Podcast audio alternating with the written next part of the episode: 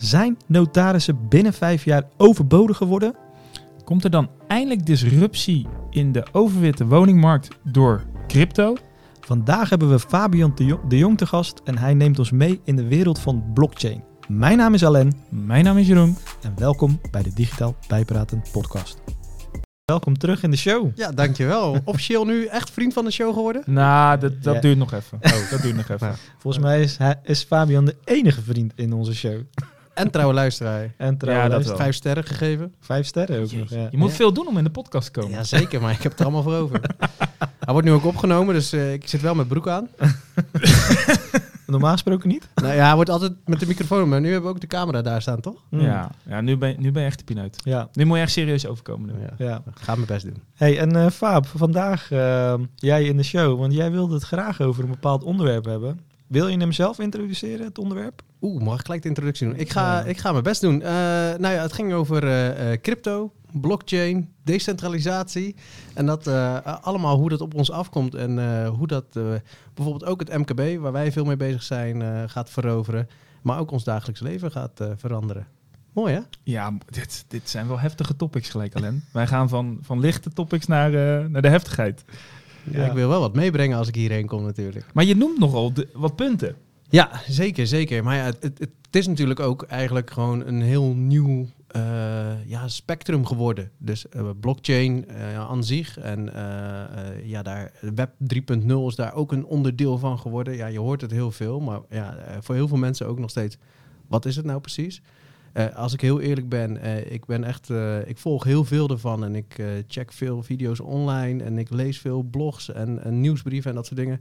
En nog steeds vind ik het zelf ook extreem lastig om het allemaal te begrijpen. En in sommige podcasts luister ik mee en dan denk ik, ja, waar je het nu over hebben, daar moet ik mezelf ook weer even over inlezen. Dus het is wel iets heel ingewikkelds, maar het is wel iets wat echt heel hard gaat aankomen binnenkort. En heel hard gaat binnenkomen bij, bij ja, de hele wereld, denk ik. Ja, je zegt heel hard gaat binnenkomen. Ehm, ik ben zelf ook wel een beetje bezig met dit soort dingen. En als ik zeg hoe ik ermee bezig ben. Ik heb eh, zeven jaar geleden of zo eh, wat bitcoin gekocht.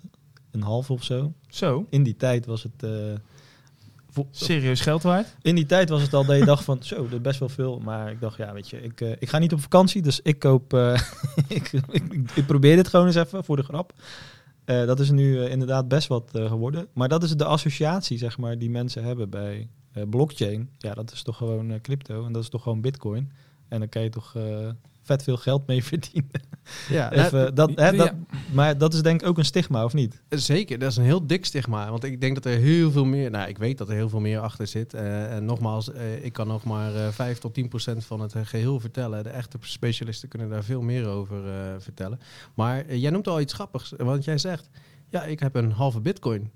Maar als ik jou nu vraag, wat staat er precies op je rekening? Dat zeg je niet.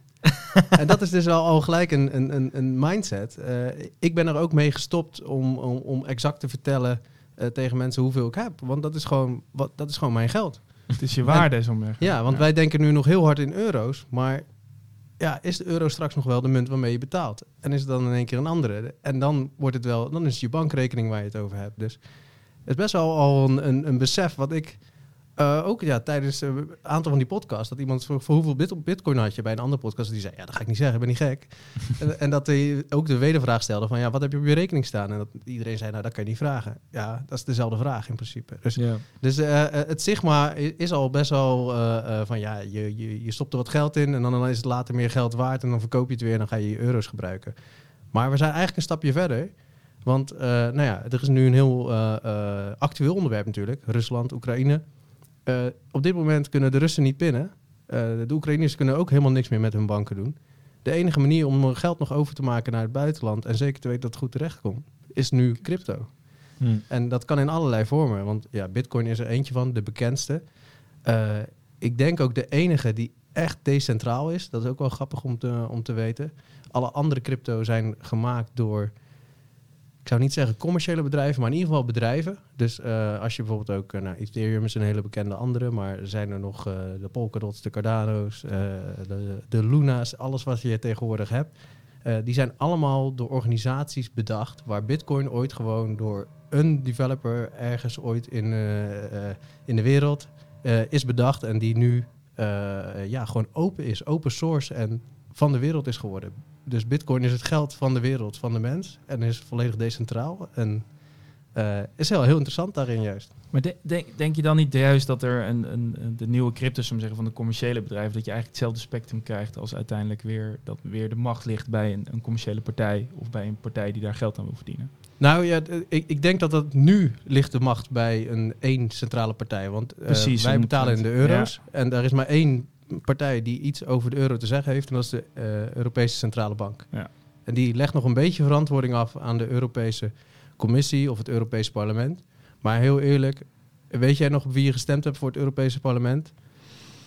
Zeker niet op de persoon, misschien nog op de, op de, eh, eh, de partij die erachter zit. Maar dat zijn wel de mensen die bepalen hoe ons geld werkt, die, Ja. die daarmee bezig zijn. Dus daarom vind ik het super interessant iets. Want eigenlijk is het geld van een paar mensen die ergens iets zitten te bedenken. En dat is ook heel leuk, want op dit moment zijn ze een digitale euro aan het creëren. Dus ze zijn eigenlijk de tegenhanger van Bitcoin in euro aan het maken, officieel door de Europese Commissie. En dat doen ze achter gesloten deuren. Dus zij rapporteren niks terug op dit moment aan, eh, de, Ah, aan het parlement. Dus het zijn best wel eh, bijzondere dingen die er gebeuren.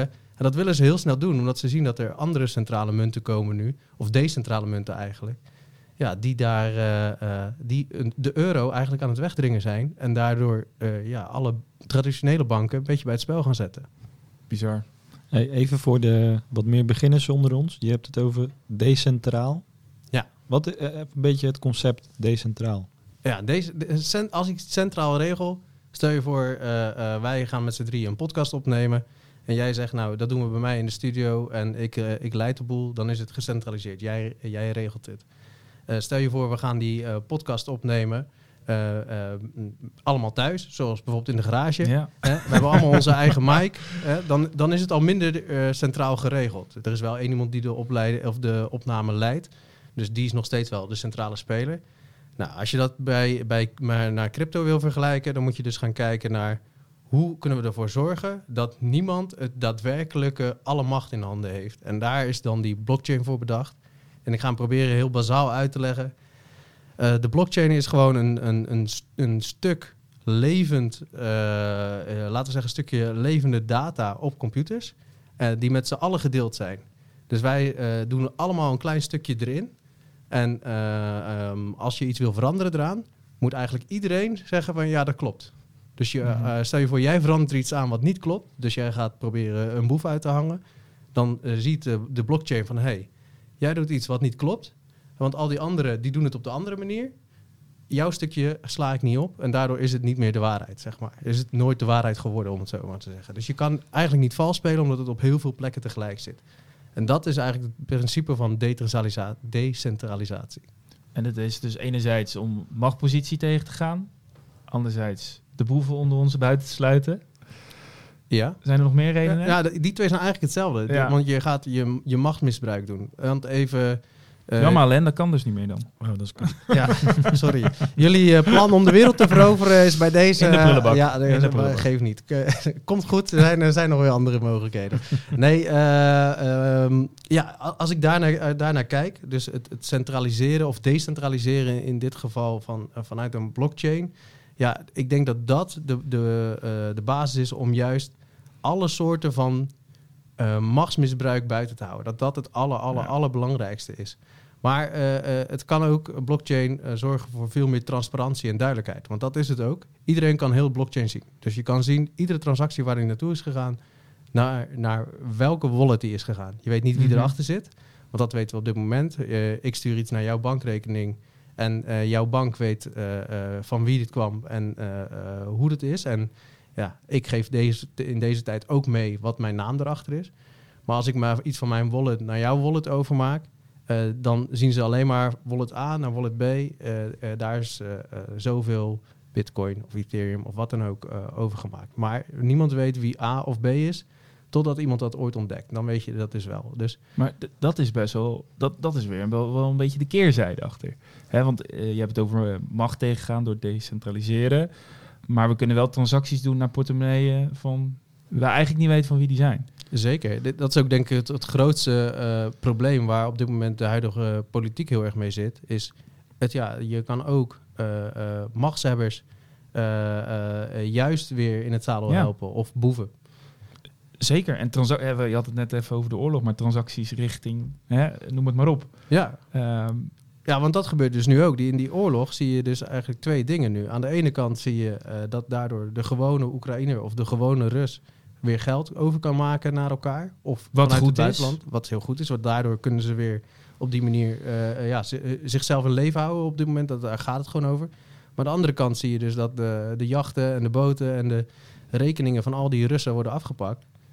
Van die grote oligarchen en alles wat rondom Poetin hangt. Maar die kunnen nog wel gewoon via eh, de blockchain of via eh cryptomunten kunnen ze geld gaan overmaken naar iemand anders zonder dat wij dat zien. ja. En dat, dat is natuurlijk wel echt een keerzijde. Absoluut. Ja, maar ja, dat is, eh, eh, eh, het is wel openbaar. En nu kun- kan een, Zeker. nu kan een, zo'n oligarch met een, een bankdirecteur samenzweren en is iedereen voor de rest buitengesloten. Nee, maar goed, je hebt natuurlijk de- nu ook transacties naar bepaalde BV's in bepaalde landen, bepaalde holdings. Daar zit dan een hele ingewikkelde structuur achter, waardoor de persoon pas heel laat te bereiken is. Exact. Maar daar hangt altijd wel een persoon nog achter. Dat is natuurlijk wel, eh, in dit Ja. verhaal is, is een wallet eigenlijk het eindstation. Ja, maar dat is ook wel weer veilig, hè? want wij zijn gewend in Nederland te leven waar echt veel vrijheid is, eh, waarbij we vertrouwen in onze regering hebben. Maar als je regering eh, over het geld beheerst en zegt van oké, eh, je mag het alleen maar op deze manier uitgeven, Ja. ja. dan wil je eigenlijk liever niet dat ze zien hoe je het uitgeeft. Dus het is een beetje het perspectief waar je in zit. En, en dat is het nadeel. Er is geen, ja, er is geen eh, Gandalf the White oplossing die eh, alles is goed. Ik dacht dat je dat ons ging vertellen in deze podcast. Ja, nee, ik ga je zo mijn walletadres geven. Als je alles overmaakt, komt alles helemaal goed. Oh, dan ga je gewoon vertellen wie achter die wallet zit. ja, precies. Ja, hey, ehm, ja, ik vind het wel interessant, want er zit dus een hele mooie kant aan, maar er zit ook best een duistere kant aan de blockchain. Zeker. Ja, We hebben het nu alleen over geld, hè, trouwens. Ja. Er zit zoveel meer achter. Ja. Ja, want jij, jij noemde net al hè, het MKB als... als hè, we hebben het nu over Rusland, Oekraïne. We hebben het misschien over de jongens met crypto's op de zolderkamer. Maar je noemde net het MKB. Hoe zie jij deze ontwikkelingen dan ja, richting het MKB? Ja, die gaan eh, in, in razendsnel tempo komen. eh, op allerlei niveaus. Maar ik denk vooral op het eerste eh, niveau richting financiële diensten. Nou ja, hui- huizenmarkt op dit moment natuurlijk heel erg overhit en heel erg in het nieuws en iedereen is ermee bezig. Nou ja, eh, eh, jij hebt ook een huis gekocht eh, recent. Niet met crypto's. Niet met crypto's. maar dat zou misschien wel eerlijker Ja. zijn geweest. Want er is in, in de huizenmarkt zie ik best wel veel nu dat ja, mensen zetten hun huis te koop. En ja, de, iedereen is een beetje desperate. Dus begint maar met bieden. En op een gegeven moment, als je 20 keer nee hebt gehoord, of misschien 120 keer nee hebt gehoord, dan denk je de volgende keer, ja, nu ga ik echt ziek overbieden. En een huis staat te koop voor, ik zeg wat, de 300. En eh, eh, nou, er komen eh, 30 biedingen binnen, allemaal eh, rond de eh 3,15 tot 3,30. Eh, eentje 3,31. En dan komt er één iemand die denkt, ja, ik moet hem echt hebben. Ik bied 3,70.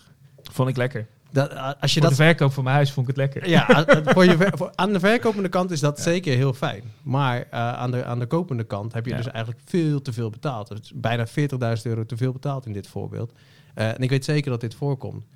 Eh, daarnaast is het ook een, een... Ja, er zit een soort makelaar tussen die daar een machtspositie heeft. En eh, ehm, nou ga ik niet alle makelaars hier boeven noemen, maar ik weet gewoon dat er in de makelaarswereld niet altijd eerlijk gespeeld wordt. En eh, ja, dat kan ook opgelost worden met blockchain. Want stel je voor dat we nou alle informatie van alle huizen gewoon in, in een blockchain stoppen. Die zorgen ervoor dat we die semi-openbaar is. Dus je kan een hoop dingen wel zien, maar een aantal dingen nog niet. Maar zodra die in de verkoop komt, dat dat wel allemaal openbaar wordt. Want dan is het eerlijk dat iedereen mee kan kijken. Maar dat je bijvoorbeeld ook daar je bieding kan doen. Dus Ja. je ziet ook wat de vorige heeft geboden. Dus als iemand zegt, ja, ik heb 3, eh, 3,19 geboden, zegt de volgende, ik bied 3,20. Op dat moment moet je wel, bijvoorbeeld met crypto geld kan het zijn, een soort eh, eh, deposit doen. Dus een, een aanbetaling doen eh, via een smart contract. Dus met andere woorden, eh, de veiling loopt af over 10 dagen, dan is het huis verkocht. En ik heb nu de hoogste eh, aanbieding en ik moet een aanbetaling doen van, ik roep maar wat, 20.000 euro in eh, welke cryptovorm dan ook. Die staat vast in, die crypto, in dat smart contract. Vervolgens, die 10 dagen gaan voorbij. Zodra ik overboden word, krijg ik automatisch mijn geld terug. Want dat staat in dat contract. Dus het komt weer terug mijn kant op. Zodra ik niet overboden word, dan is het huis van mij en dan is die aanbetaling ook gelijk weg. Waardoor je dus ook niet stiekem op je eigen huis kan gaan zitten bieden. Want dat is leuk. Dan ben je alleen je geld kwijt Ja. vervolgens. Ja. Dus eh, daardoor wordt het al veel eh, openbaarder, transparanter. En ja, die makelaar, ja, wat, wat komt hij nog doen eigenlijk? Ja. Dus- ja, die wordt eigenlijk buitengesloten in delen. Ja, ik heb ook eh, nog, eigenlijk nog geen goede ervaring met makelaars gehad. Überhaupt niet. Gewoon heel Zo. eerlijk. Heel eerlijk. Ja, ik ben nu op zoek naar een eh, kantoorruimte voor, voor onze side hustle moments. Ja, dan zit, dan zit je zo'n makelaar aan te schrijven. Eh, ik heb er serieus iets van zeven aangeschreven. Ja, zeven verschillende kantoorruimtes om te checken. Ja, eh, gewoon nul reactie. Ja. Je hebt ook van die Gewoon, platformen, ja, hè? we moeten even kijken en dit en dat. Ja, ik zit op via Funda doe ik het. Ja, maar je hebt ook andere platformen waar huiseigenaren en pandeigenaren een soort van zonder de... Nou, misschien zelf wel decentraliseren als kopers en verkopers. Nou ja, Bij dat, zit, elkaar. dat platform is de centralisatie. dan Ja, weer. dat is ook weer zo. Dat is ook weer zo. Maar, maar Fabian, hoe, hoe moet ik dat begrijpen dan? Hè? Want we hadden het net over een platform. Die faciliteert wat mij betreft vraag en aanbod. Dan zeg jij eigenlijk, nou, dat is eigenlijk ook de, de machts... eh, de centralisatie. De centralisatie, de partij. Hoe faciliteert de blockchain dan... De blockchain moet faciliteren, maar hoe? De- ja, de blockchain is de decentralisatie. Want we hebben allemaal een klein stukje van die blockchain op onze computer. Laat het zo even, even zeggen. Het ligt wat ingewikkelder, maar ja, op die manier kan je dus zo zorgen dat als eh, wij drie hebben precies allemaal hetzelfde stukje. En alle andere mensen in de wereld hebben weer allemaal andere stukjes en zo. Maar eh, dus als jij zegt, hey, ik ga mijn stukje stiekem aanpassen. Dan zegt het stukje wat bij Alain zit en bij mij zegt, nee, nee, nee, dat kan niet. Want wij hebben die opdracht nooit gekregen. Wij gaan dat niet uitvoeren. Waardoor je dus die decentralisatie krijgt. Dus je moet zorgen dat zo'n platform niet meer centraal beheerd wordt, maar juist eh, op, ja, via een blockchain op allerlei plekken tegelijk staat, waardoor die niet zo makkelijk is aan te passen. En dan is jouw vraag waarschijnlijk daarna van oké, maar dat moet toch ook weer verder ontwikkeld worden. Als je, eh, zoals wij hier, Ja, eh, platformen bouwen, dan moet moet onze iemand- handel. ja, iemand, iemand moet doorontwikkelen, maar dat gebeurt ook. En, maar het leuke is van de blockchain is dat gebeurt dat op basis van stemrecht. Dus iemand stelt voor, hey, zullen we dit veranderen op de blockchain? En dan zullen alle mensen die stemrecht hebben binnen die blockchain, waar natuurlijk weer een klein stukje centralisatie ontstaat, want zodra je dat niet hebt, mag je dus niet meedoen. Uh-huh. Eh, dat is dus wel weer het, eh, het interessante ervan. Maar eh, die kunnen stemmen en zeggen van ja, dat stukje wat jij wil verbeteren, dat gaan we doen. Dus waar bij Elephant de klant zegt, hey, kunnen jullie dit stukje doorontwikkelen? Want de klant heeft dat gezegd. Zou je dus eigenlijk moeten zeggen, nee, de website of het platform is niet meer van de klant aan zich, het is van ons allemaal. Dus de klant zegt, hey, zullen we dit doorontwikkelen? En al onze developers moeten stemmen of ze voor of tegen zijn. En als er te veel tegen zijn, dan gaat het niet gebeuren. Zo moet je het een beetje zien. Er is dus, de machtsverhouding is daardoor weg en gaat eh, veel meer naar ja, heel veel verschillende partijen tegelijk. En dat is waar, waar de blockchain naartoe gaat. Dit is trouwens een blockchain op basis van proof of stake, eh, proof Mhm. of stake ten opzichte van proof of work. En dat is een heel belangrijk verschil.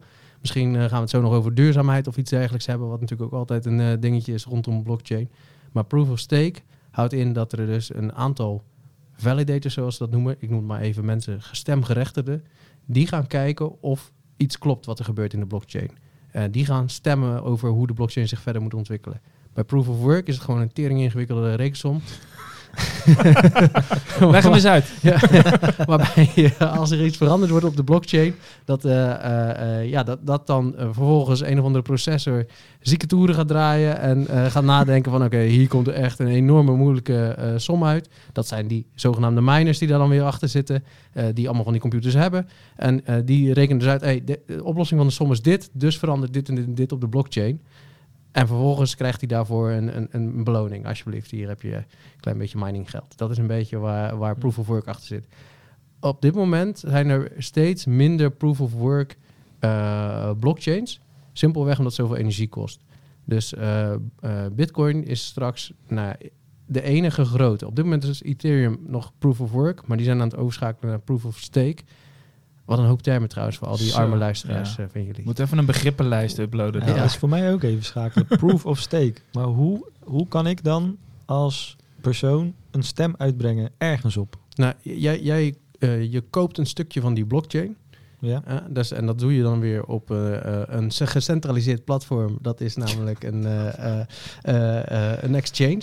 En dat is dus waar het hele eh, het, het gevaar nog steeds zit in het, in het crypto. Je moet het ergens kopen met iets En ja, daar Ja. moet je dus je eurotjes weer gaan inruilen. Maar ja, dat heb je dus op, dat, eh, eh, op bijvoorbeeld eh, eh, een Kraken.com gedaan of een Bitfavo in Nederland.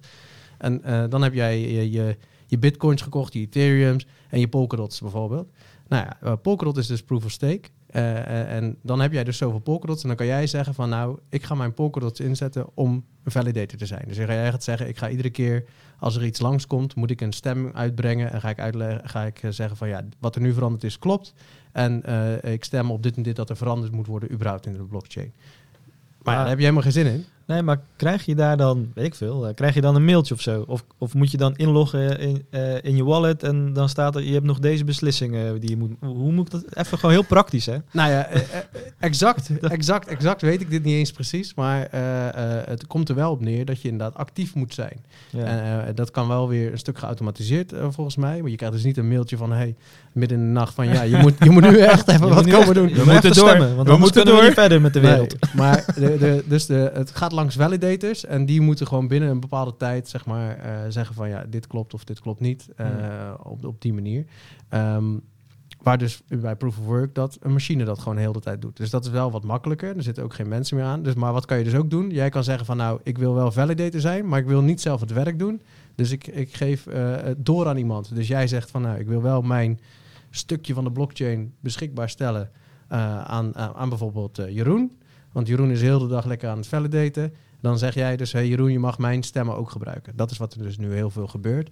En daardoor ontstaat er weer een stukje centralisatie. Want in plaats van miljoenen mensen, gaan er weer steeds minder mensen die echt daadwerkelijk macht op die blockchain hebben. Maar hij is wel een stuk eerlijker verdeeld dan welke manier van centralisatie we op dit moment in de, in de politiek wereldwijd hebben. Ja. Maar dat is wel iets voor jou, Ellen. Iemand anders gewoon je rechten geven en zelf het geld verdienen. Dat doe ik al eh 15 jaar. Wat is er anders aan? maar dit, dit neigt natuurlijk gewoon naar een aandelenstructuur. En eh, toch, ik bedoel, je hebt aandelen van een, een blockchain. Dat zie ik dan maar meer als een soort eh, BV. En we moeten met elkaar stemmen om, om die BV verder te krijgen. Misschien Ja. niet het zo... Ik snap jouw vertaling. Ik denk wel dat de halve eh crypto-wereld op dit moment eh, zichzelf eh, eh, in hun graf omdraait. eh, hoe jij het vertelt. Ja, oké. eh, Moet je wel dood zijn, Het, hè? moet, het, moet, het moet in. eh, dat is waar. Het moet, eh, eh, Oké, eh, nou ja, de halve crypto-wereld zit, eh, zit nu een toetsenbord op te eten, denk Ja. ik. Oké, sorry daarvoor. Eh, want eh, jij noemt het, ja, dat is gewoon, gewoon een BV, maar daarmee centraliseer Nee, je het eh, allemaal weer. En zij zeggen juist, ja, dat doen we niet. Maar je moet dus inderdaad, je neemt een stuk, je deelt mee in de blockchain. Dat is meer, Precies. denk ik, de termen die zij zouden kiezen. En daarin moet je een stukje werk doen en daar krijg je beloning voor. Ja, Ja, precies. dat is wel hoe het werkt. Ja, en, en ja, in mijn optiek is een BV ook van meerdere mensen natuurlijk. Dat, dat is een beetje de redenatie, om te zeggen, die ik dan zou hebben. Ja, als je dat eerlijk verdeelt, dan heeft iedereen een piece of the pie. En, en heb je niet iemand die hè, 80% heeft. ja. In sommige gevallen wel, maar... Maar toch, dat, dat, maar daar zit ik een beetje... maar Toch, alles wat je vertelt, dat neigt altijd weer naar centralisatie. Of het nou bij één partij... Jij hebt bij één partij gekocht. Dus dat is één partij die de macht heeft. Waar je je spullen moet kopen. Ja. Dus hoe verder je de blockchain ingaat, voor mijn gevoel... Maar correct me if I'm wrong, je komt altijd op centralisatie uit. ja de, Want enige, er is altijd iemand... nou, de enige manier is dus decentralisatie, is dus een proof of work. En Ja, dat, is, precies. dat is bitcoin. Maar ja, wat krijg je dan? Eh, eh, studio's vol of, of schuren vol of wat dan ook. Met allemaal van die draaiende processors. Chips gekort door heel de wereld, omdat die gasten het alles kopen. Niemand kan meer een, een game spelen, omdat alle videokaarten ervoor gebruikt worden. Eh, en dan gaat de wereld zeggen, hey, Waar, waar gaat eigenlijk al die energie naartoe? En dan, eh, ja, we zijn, eh, we zijn de bitcoins lekker aan het mijnen, zodat we weer meer eh, transacties kunnen doen. En dan eh, eh, kom je dus in het probleem van duurzaamheid. En, en, en daar zit natuurlijk nog wel iets. Eh, het is niet super duurzaam. Daartegenover, eh ik denk dat een, een bitcoin draaien is een stuk duurzamer dan je, je, je wasdroger aanzetten. Want ja, je was droogt vanzelf wel. Je bent gewoon ongeduldig. En bitcoin is een, is, ja, en bitcoin is zeg maar een, eh, eh, ja, is, is een betaalmiddel. En we moeten ook niet vergeten dat als er een euro gedrukt Ja, ik net naar zeggen. jou, dat dat ook allemaal energie en dat dat ook een machine kost. te roken. Ja, en ook, ook, ook eh, als je dat doet via jouw bankkantoor, dan staat op de bank ook het, bij de bank staat ook het licht aan. En die zijn ook allemaal met allerlei services aan de slag. En dan zet iemand ook koffie en doen ze ook de vaatwasser aan. Dus ja, achter gewoon geld zit ook uiteraard heel veel ja, uitstoot eh, eh, en, en ja, verbruik van energie. Ja. Hey, ehm, waar ik eh, heel erg geïnteresseerd naar ben, zijn zeg maar de, de praktische toepassingen die blockchain met zich meebrengt, die we, laten we zeggen, op korte termijn zouden kunnen zien, of misschien juist op de wat langer termijn? Wat, wat gaan wij binnen het MKB kunnen doen met blockchain binnen nu en vijf jaar? Voor normale mensen die, die proof of stake nog een beetje aan het bappen zijn in hun mindset. Ik snap het. We gaan even rustig aan doen dan inderdaad. We gaan eh, naar een simpel voorbeeld. Eh, ehm, eh, de notariswereld. Ieder MKB-bedrijf heeft met de notaris te maken. En wat doet die? Die pakt een... Printen. Nou, nou, bijna wel. Die pakt een, een template en die zegt van, oh, dit is een mooi contract. Dat gebruikt bijna iedere BV. Of nou, ik heb hier nog tien varianten van en ik ga bij alinea eh, 7.8 ga ik twee dingen veranderen. En dat is dan zegt- 800 euro als je Ja, exact dat. Dan zegt hij, exclusief eh, printen. ja, en, en, en dan zegt hij, en, en dan vragen we allemaal van ja, en dit is de, de enige unieke waarheid. En waarom dan? Omdat die man het heeft gezegd. Pure centralisatie zoals je het maar kan hebben. Dus eh, eh, de, de notaris heeft gezegd dat. En hij ligt niet, want hij heeft een eed afgelegd. Dat is gewoon hoe wij op dit moment met notarissen omgaan. Het zijn betrouwbare mensen, want ze hebben een eed afgelegd. Ja. Dat is natuurlijk in mijn ogen, eh, eh, één iemand hoeft alleen maar kwaad te willen en dan is het hele systeem al eh, helemaal fucked. En ik weet zeker dat het ook va- vaak fout gebeurt. Daarnaast is het ook een mens en die maakt fouten. Dus hij kan ook wel eens iets neerzetten wat gewoon niet klopt. En dat hij daarna zegt, dit is de enige waarheid. En dan is het juridisch gezien ook de enige waarheid. Ja. Nou, neem die notaris, die dat allemaal eh, eh, via templates doet, heel veel afrekent. En dan nog, nou, we hebben hier verschillende BV's over. We zitten met verschillende mensen in een BV. En we zeggen op een gegeven moment, hey, van eh, eh, Pietje moet van 10% naar 15% en dat komt bij Klaasje vandaan. Of weet je wat, we doen het wat internationaler bij eh, Jonas en Enrique. Enrique en eh, eh, bij, bij, bij Ahmed. Ja, dat is wel wat leuker. Maar dus die gaat van 10% naar 15% en die 5% komt ergens vandaan. Nou, dan zegt de notaris, nou, daar heb ik dit template weer voor. En ik ga jullie boekje hebben waar mijn mooie handtekening in staat. En dan ga ik officieel maken dat jullie die transfer hebben gedaan. Ja, en dan eh, zegt hij, oh ja, en kan je als je naar buiten loopt die eh, 800 euro weer even achterlaten. Nou ja, dat is natuurlijk eh, eh, A, omslachtig, want we moeten die notaris weer opbellen. Die zegt, hey, op dit moment zijn te weinig notarissen in de wereld. eh, dus A, mijn prijs gaat omhoog. En eh, eh, B, over een maand kunnen we dit doen. Dus ja, kom dan maar langs. En ik moet dus naar hem toekomen ook nog eens. Ik ga, nou, dat is, die notaris is eigenlijk gewoon alleen maar aan het binnenlopen. Die is de enige die hier baat bij heeft. Dus we moeten eigenlijk eh, meer in de notarisbusiness eh hier doen. Ik denk dat we... Ik, ik ga omscholen per direct. Nou, ik zit nu uit te leggen waarom je daar juist niet in moet. Oh, oké. Nee, wacht. dat- dat- Ja, op de lange termijn. Ja, op de lange termijn. Je had tien jaar geleden notaris moeten worden. Had heel, Ja, heel, helemaal geweldig moeten zijn. Eh, ik ben trouwens naast de makelaars nu ook al een notaris. Ja, eh, ik, ik denk, er blijven weinig luisteraars over van deze podcast, Ja. maar dat geeft niet, joh. ik woon niet in Dordrecht.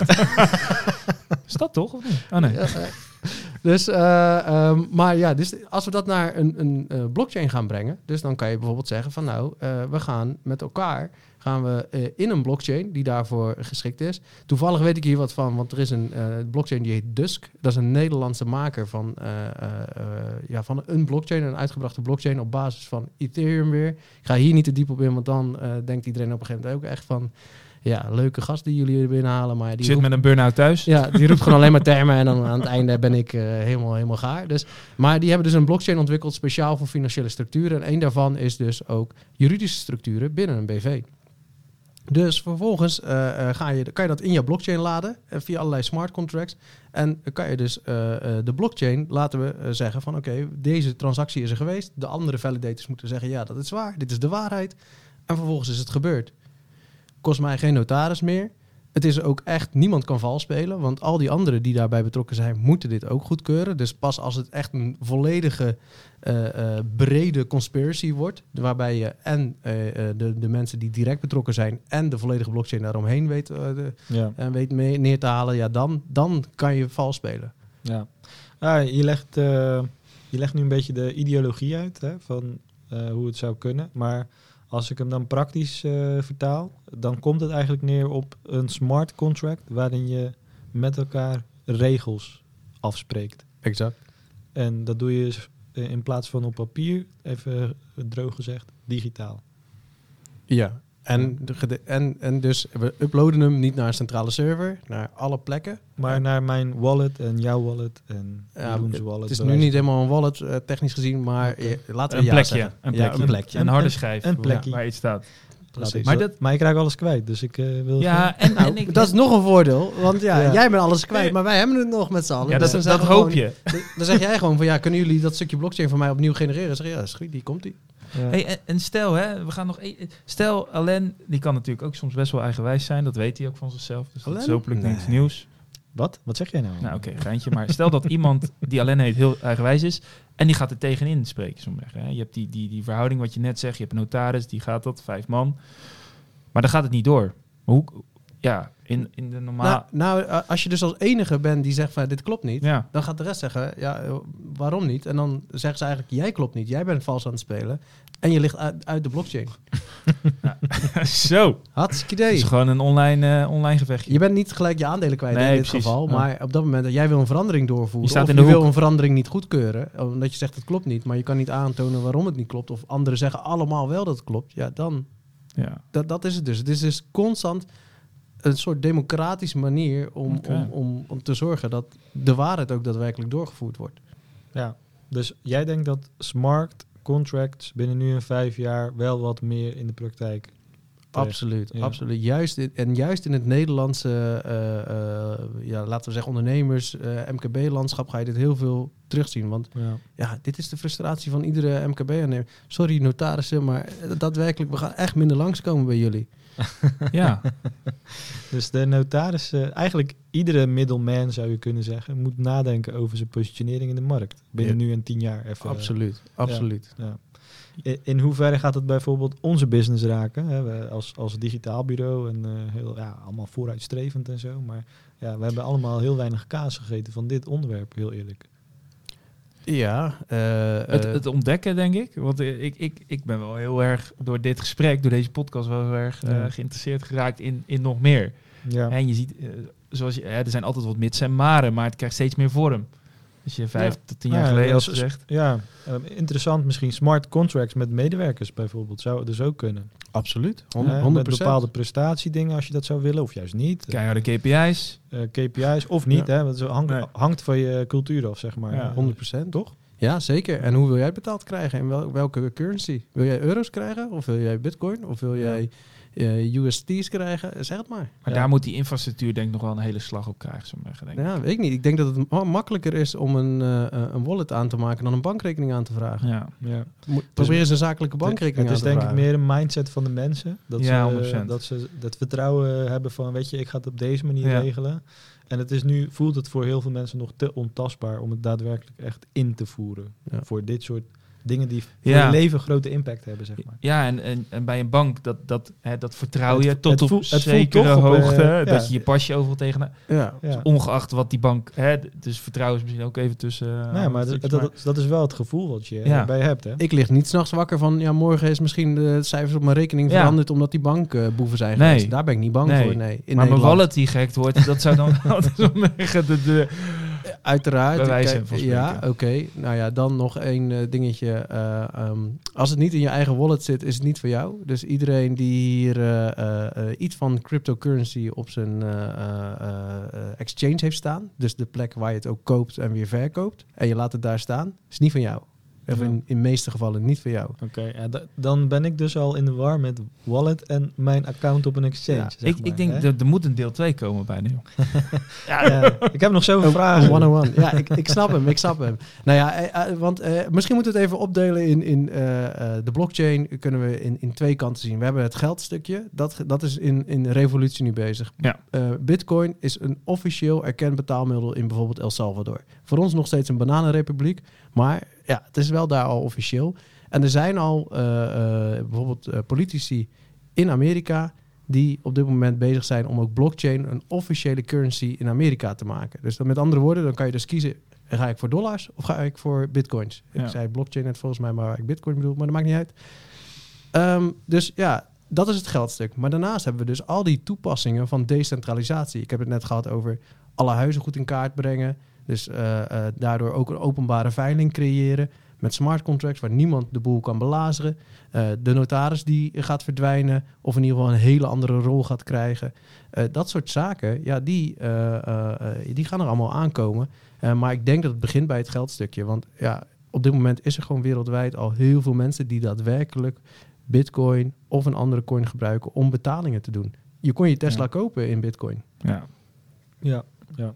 Hey, ehm, voordat we nog eh, heel lang hierover doorpraten, want volgens mij eh, kunnen we dat wel, ehm, wil ik nog even een aantal vragen parkeren en laten we wel even een deel 2, misschien zelfs een deel 3 eh, met elkaar. Vier, vijf. We kijken gewoon hoeveel delen er nodig zijn. Maar een aantal vragen, even als cliffhanger, die in mij opkomen, die we zouden kunnen behandelen. Ehm, eh, de opkomst van NFT's.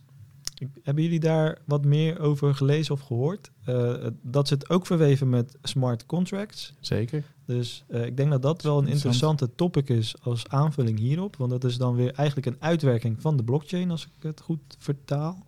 Ja, absoluut. NFT's zijn ook blockchain Ja. eh, gerelateerd. Ja, maar wat ik dus ook heel erg interessant vind dat mij bezighoudt, is hoe gaat het vak marketing en digital veranderen door de blockchain? Want door decentralisatie betekent dat platformen als Facebook, LinkedIn, Google dus ook gedecentraliseerd worden. En dat betekent dat er een andere dynamiek ontstaat met je publiek. Hè? Even Zeker. plat geslagen. En daar kunnen we denk ik ook een uurtje aan wijden. Zeker, zeker. Als je kijkt, als je er ook goed over nadenkt. eh, we hebben allemaal hier LinkedIn-account, zijn er allemaal veel mee bezig. Die data is niet van ons, wat daarop staat. Wat wij daarop plaatsen, die, dat is allemaal van Microsoft. En die zegt, ja, hey, eh, Jeroen LinkedIn, dat, dat ben ik, zeggen ze. Daar, daar dat zijn mijn rechten. En als jij daar iets mee gaat doen, dan moet je dat eerst met mij vragen. Dat is wat er staat. En daar daar kan een blockchain echt, echt gewoon een revolutie in eh, eh, creëren. Ja, dus het is ook wel een goed een middel om even te sch- schoppen tegen de grote jongens in de wereld. Toch? Dat is het En dat is hard nodig. Dat is hard nodig. Dus dat is de stap 1. En ik denk opvolgend daarin, want volgens mij zijn wij nu, ik ben wel een beetje brainwash, zal ik maar zeggen. het is natuurlijk ook, hoe kan je je pragma ja, pragmatisch is misschien niet het juiste woord, want, maar hoe kan je nou eh, die eerste stapjes innemen? Kunnen wij met dit groepje, Ja. met z'n drieën, een eigen blockchain gaan ontwikkelen, maken in de podcast? Of noem het maar Ja. op. Nou, ik heb dus voor de grap eh, wel zitten denken, waarom maken we niet een eh, digitaal bijpraten NFT? En die kan je kopen en dan krijg je daar bepaalde dingen voor eh, per jaar bijvoorbeeld. Mooie challenge. Einde van het jaar moeten we die hebben. Zo, En- en- hartstikke idee. Een eigen NFT. Ja, dat is wel En als cool. mensen die kopen, dat, dat is onze financiering om de podcast eh, Ja. naar een nog hoger level te krijgen. Zo, netjes. Iedere Dan- keer. Dan mogen ze jou eruit stemmen. Eh, maar dan Ik ben- we... Ik ben wel te gast, hè. dit gaan jullie regelen, toch? Ja, Eh, nee, nee, nee. jij de, weet de er alles blok- van, Nee, dus. de, nee, de blockchain is, we doen het samen. Het is niet meer dat is wij, waar, het, dat het is is samen. zeker het is waar, zeker waar. Ja, nee, super tof. Ehm, ik denk dat we hem even hierbij moeten houden voor nu. Maar laten we zeker in ieder geval een deel 2 afspreken. En wie weet eh, ook nog een deel 4, eh 3 en eh, wellicht 4, 5, 6. Kijken hoe ver we komen. Wijs bedankt, man. Was echt interessant. Ja, super tof dat ik eh, hierover mocht, eh, mocht vertellen aan jullie. Ja, Cool. goed. Dankjewel en eh, tot de volgende keer. Tot volgende week. Yo. Bye.